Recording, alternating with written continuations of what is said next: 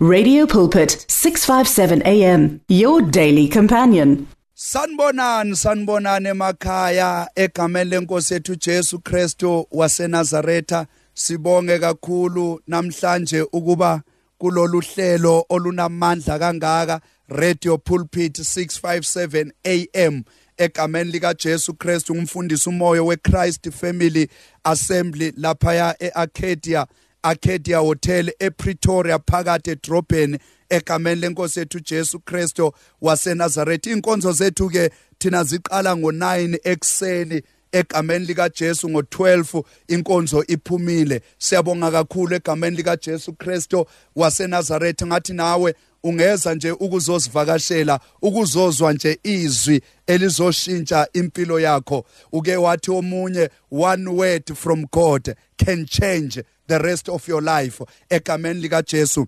Lalelani ke ebabukele emakhaya. Ngiyaqhubeka ke namhlanje ngodaba lwami engaqala ngalo last week. Inyanga phela zokhumbula inyanga yembokodo inzala abantu inyanga yembokodo mama hayi insika zamakhaya egameni lika Jesu sanibonani bomama sanibonani bantu besifazane sanibonani intombi sanibonani bogogo sanibonani bomama egameni lenkosi ethu Jesu Kristo ngiyabingelela mangisho njalo ngisika nje elijikayo egameni lenkosi ethu Jesu Kristo waseNazaretha. Eh siyaqhubeka ke encwadini yethu kaJohn chapter 4 verse 5 to 30 egameni lenkosi ethu Jesu Kristo waseNazaretha. Ngizofunda nje from verse 28 to 30 John chapter 4 verse 28 to 30 uJohani 4 verse 28 to 30 lithi iBhayibheli owesifazane washiya imbiza yakhe yamanzi waya emzini wathi kubantu wozani nizobona umuntu ongitshele konke engikwenzileyo.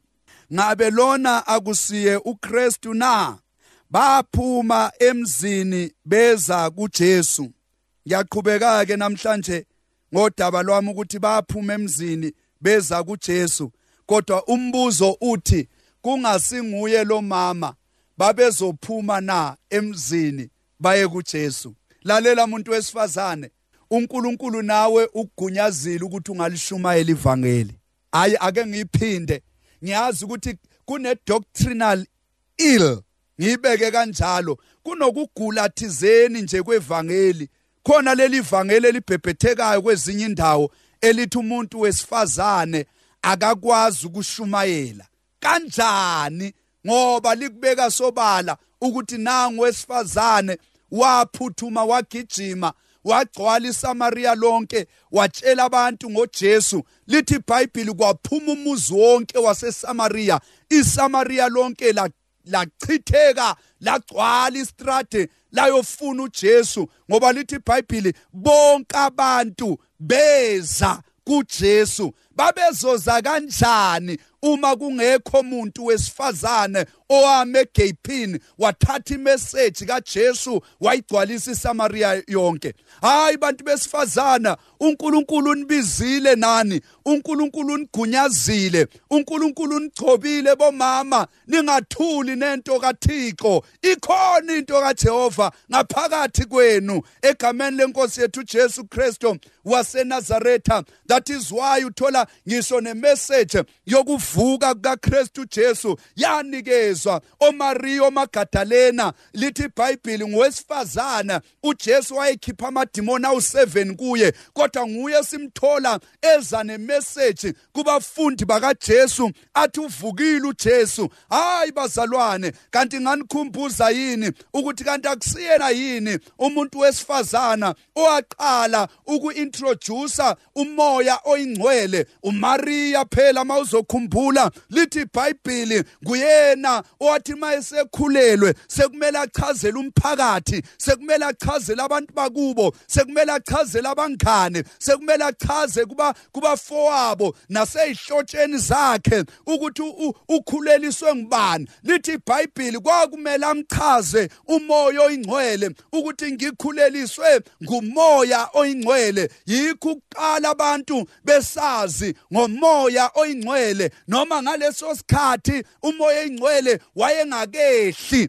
Hayi bantu besifazane ngizonikhuthaza namhlanje ukuthi lento kaThixo ikhona phakathi kwenu. Kanti akusinguye na uJeremiah umprofeti onamandla kangaka wathi uNkulunkulu kuye uJeremiah lalela Jeremiah ngikwazile ungakazalwa usaseyihlwili esiswini sikamama wakho. Ngakugcoba usasesiswini ngakwenza umprofeti kodwa simthola uJeremiah ngelinye ilanga elithi iBhayibheli eh ku verse ku chapter ku chapter 9 from verse 17 lithi iBhayibheli uJeremiah simthole ekhala ebiza abantu besifazana ethi yeba kithi yeyeni bantu ngicela abantu besifazana bazosizana nami naku kufa kunyuka ngamafastela bapha abantu besifazana bazokhihla isililo phambi kaJehova hayi bazalwane egameni lika Jesu Kristo la esifunde khona lithi iBhayibheli lo wesifazana waseSamaria lithi iBhayibheli waba neencounter noJesu. Ngaleso sikhathi eba neencounter noJesu ngiyichazile indaba. Last week salufunda lonke udaba lwakhe ukuthi kufika kanjani ukuthi lo mama agcine sengumvangeli oshumayeza icommunity yonke oshumayeza isizwe sonke. Lo mama wasiguqula isizwe sonke. Sasindiswa wafaka uJesu phakathi kweSamaria kanti iSamaria sizokhumbula kahle ukuthi amaSamaritans namaJuda kwakungekho ubudlelwano. Nangu umama ezobreaka iprotocol nangu umama ezobhidliza umthangala okade umile iminyaka neminyaka. Kodwa wesifazana waba nesibindi ngoba nangabe vele sewuhlangane noJesu kahle kahle uba nesibindi esimangalisayo uba nesibindi somthakathi. Hey phela abathakathi banesibindi sithi sivala amagate savala neminyango savala amafastela sehlisa namakhethenisi savala konke salokha sakhiya. Kodwa umthakathi uzoyithola indlela yokuthi angene phakathi emzini omuntu ulele. Kodwa the devil is a liar. Hayi emzini yabazalwane ngibhica igazi lika Jesu emasangweni omuzi wakho ngibhica igazi lika Jesu phakathi ekhaya lakho akho mthakathi ozodlalela emzini wakho ngegama lika Jesu Kristo waseNazaretha. Now lithi iBhayibheli ngiyaphuthuma. Lithi iBhayibheli he lo mama wesifazana waseSamaria lo wesifazane waseSamaria lithi iBhayibheli uhleli une conversation noJesu. Ukhuluma nenkosi yamakhosi kodwa kazi yena ngaleso sikhathi ukuthi njengoba ekhuluma kanje usehlangane nezulu usehleli nezulu and esikhuluma ngomuntu ongafunwa yisizwe ongafunwa umphakathi. Sikuthola phi lokho? Ngoba simbone zokha amanzi ngo12 emini kungekho umuntu ubalekelani kanti lo mama aze emthonjeni ngo12 emini? Hayi phela uzokhumbula isiprofeti egcineni uthi uJesu kulo mama woza nendoda yakho. Uthi lo mama hayi bo Jesu anginayo indoda mina. Wamphika ubaba amshiye endlini. Uthi uJesu lalela usho kahle. Ukuthi wena awunayo indoda ngoba wena kahle kahle usuke waba namadoda awu5 hey lo mama hey ngiyamsaba lo mama. Uthi usuke waba namadoda awu5 usethi uJesu nayo le onayo akuyone yakho hayibo kanti ngekabani? Ushiye bani lo mama endlini? Hey ngiyamsaba lo mama wayenesibindi bakithi. Yikho uJesu wakhe wakhetha yena ukuthi abe neencounter naye ngoba isibindi lesi. After 5 yamadoda asedlule kuwo nakho ezemthonjeni kanti ushiye inye futhi endlini. E6 phela le ayishiye endlini. Le mayefika kuJesu angithi phela kamazi ukuthi unguJesu yena uzibonela indoda. Wayiphika indoda ayishiye endlini. Wathi anginandoda mina. Ungathi ngiyabona ngabe yilesi sizukulwane samanje. Wavele wathi i'm single i'm single jesus i'm single. Wahleka wathi i'm single. Kanti uthi i'm single kanjalo ushiya umuntu la endlini. Ushiya indoda endala enentshebe. Nayo leyo ndoda uthi uJesu akuyona yakho umbuzo uthi ngekabani pho Jesu? Hey uJesu naye wayekhipha imfihlo zabantu bakithi. Kanti ngekabani pho? Ngekabani Jesu le ndoda? Hayi lo mama ivangeli lambamba ngaleso sikhathi. Wathi abe ngimtholile ongitshele konke. Ungitshele konke engikwenzileyo. Hayi bazalwane. Lithi iBhayibheli ngifuna ukuchaza le ndaba kahle kahle uthi umoya ingcwele angasuki la kancane ngeke ngihlale la kancane. Ukuthi nakho phela njengoba ezala ngo12 emini angithi phela usedlule kulamadoda awu5 so chances are lo mama usaba ukuthi omunye wabanikazi balamadoda angasahlangane naye emthonjeni kusuke kabhambatha kusuka impi enzima kabi. Ngoba phela sengiyazicabangela ukuthi mhlawumbe uma ngabe bekuyizibongo lezi ezamanje sikuzo mhlawumbe lo mama wayesedlule kubomoyo wadlula kubodube wadlula kubodlamini wadlula kubo kubomjalifa wadlula wadlula uyabona nje zonke lezibongo nawe usungazicabangela sonke isibongo esikhona. Lo mama wayesedlule kuzo lezi zibongo eziwu5 and ongase kwenzeke eh, eh lo mama kulezi zibongo lezi ngabantu kade behlonipheka la emphakathini. Njengoba eshiye nalemuva indoda. Njengoba la emthonjeni ushiya indoda phela ekhaya ungakhohlwa. And leyo ndoda ayishiye laphayana ekhaya. Nayo le uthi uJesu akuyona yakho hey lo mama indaba yakhe ayijulile. Suyabona ukuthi wayi wayengezi ukuzokha amanzi ekseni okanye ntambama ngoba emakhaya amanzi akhiwa ekseni ilanga lisapholile okanye ntambama ilanga maselithi liyakhothama. So wayesaba ukuthi uma ngake ngiye emthonjeni ekseni ngiyohlangana nabantu engafuni ukuhlangana nabo bangiconfronte ngeqiniso. Ngoba abantu esiphila kubo manje kulesi sizwe lesi sizukulwane abalithanda iqiniso bayalibalekela.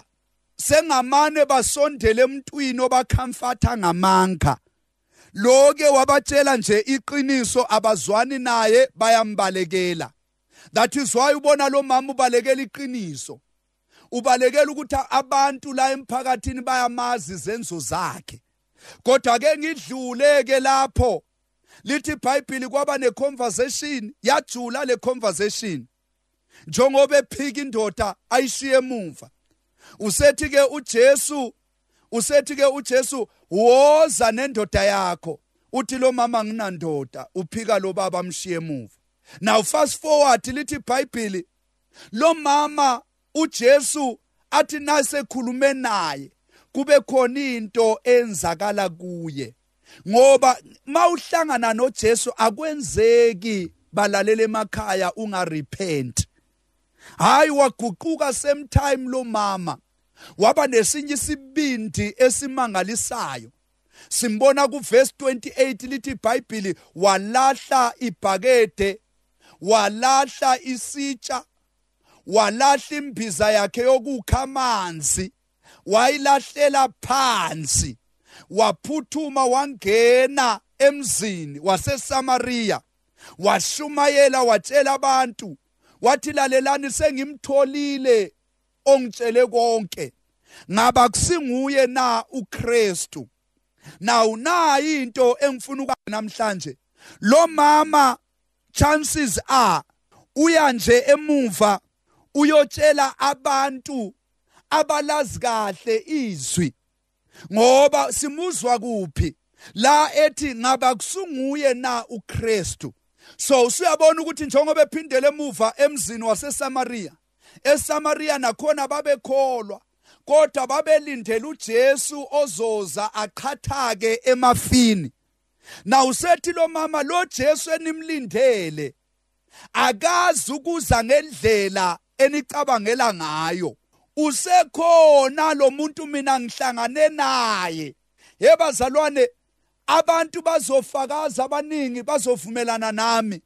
Ukuthi sonke simamukele uJesu kodwa indlela esimamukele ngayo indlela afike ngaye ngayo empilweni zethu indlela uJesu afike ngayo empilweni zethu ayifani.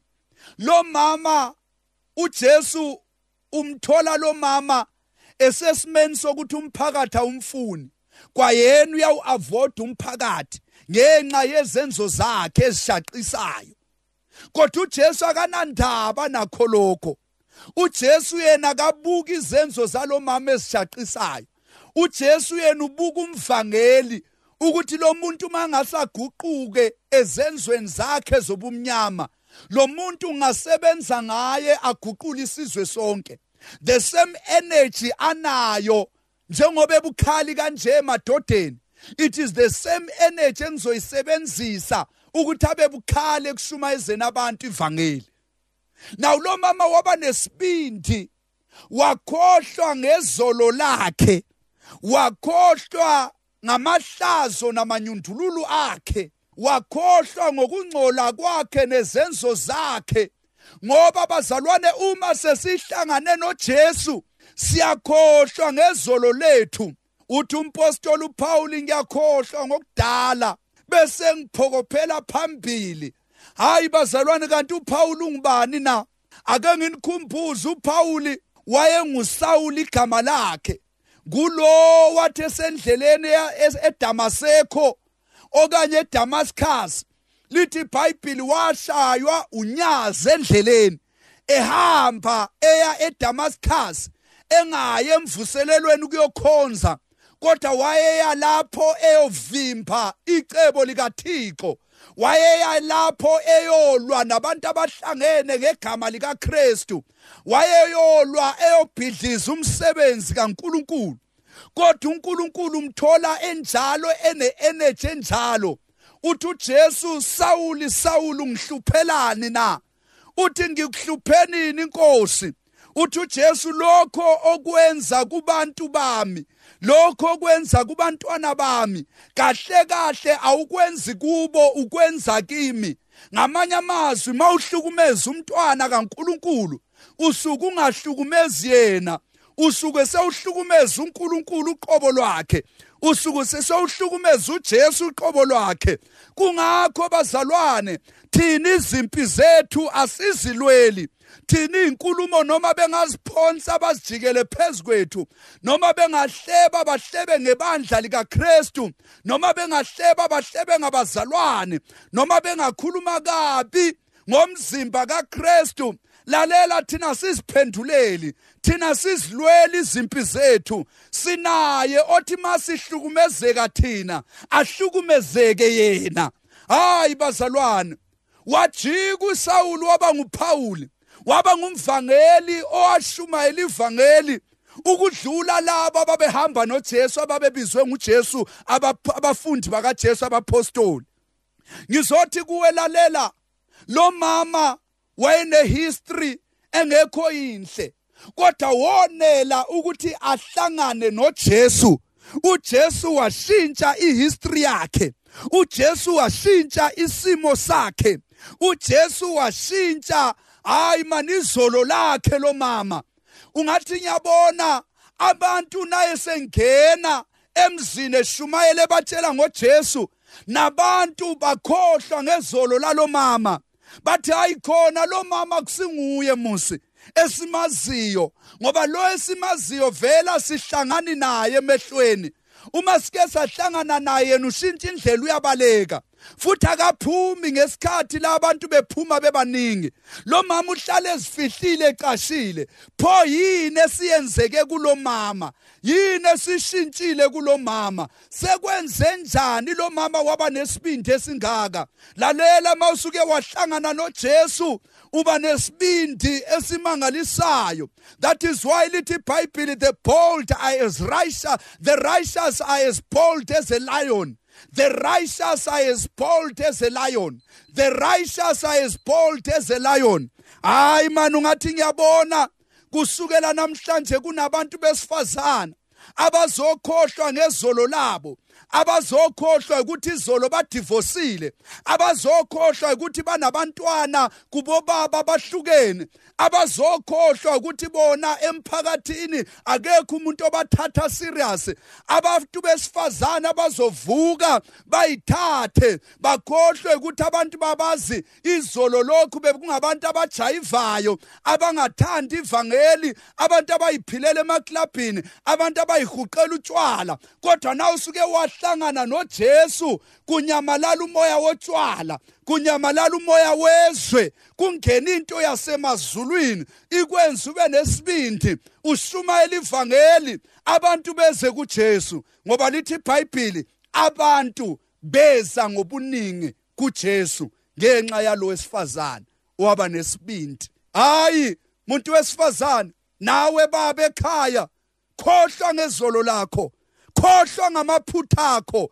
Mawusuke wahlangana nalendoda enguJesu usiyakhohlwa ngokudala. Ingubo endala siyayikhumula bese simphathiswa ingubo entsha. Ingubo yamandla ingubo yefaith ingubo ingubo yenkazimulo. Athi uJesu hambani nihlale eJerusalema ningasuki nize nempathiswe ngamandla. Hayi bazalwane thina njengoba usibona sihamba kanje simbethe into yaphezulu into yasekhaya into yasemazulwini. La esihamba khona sibhodla umlilo la esihamba khona sikhuluma ngoJesu. Abantu basindiswe abantu bafinyelele kulazini iqiniso.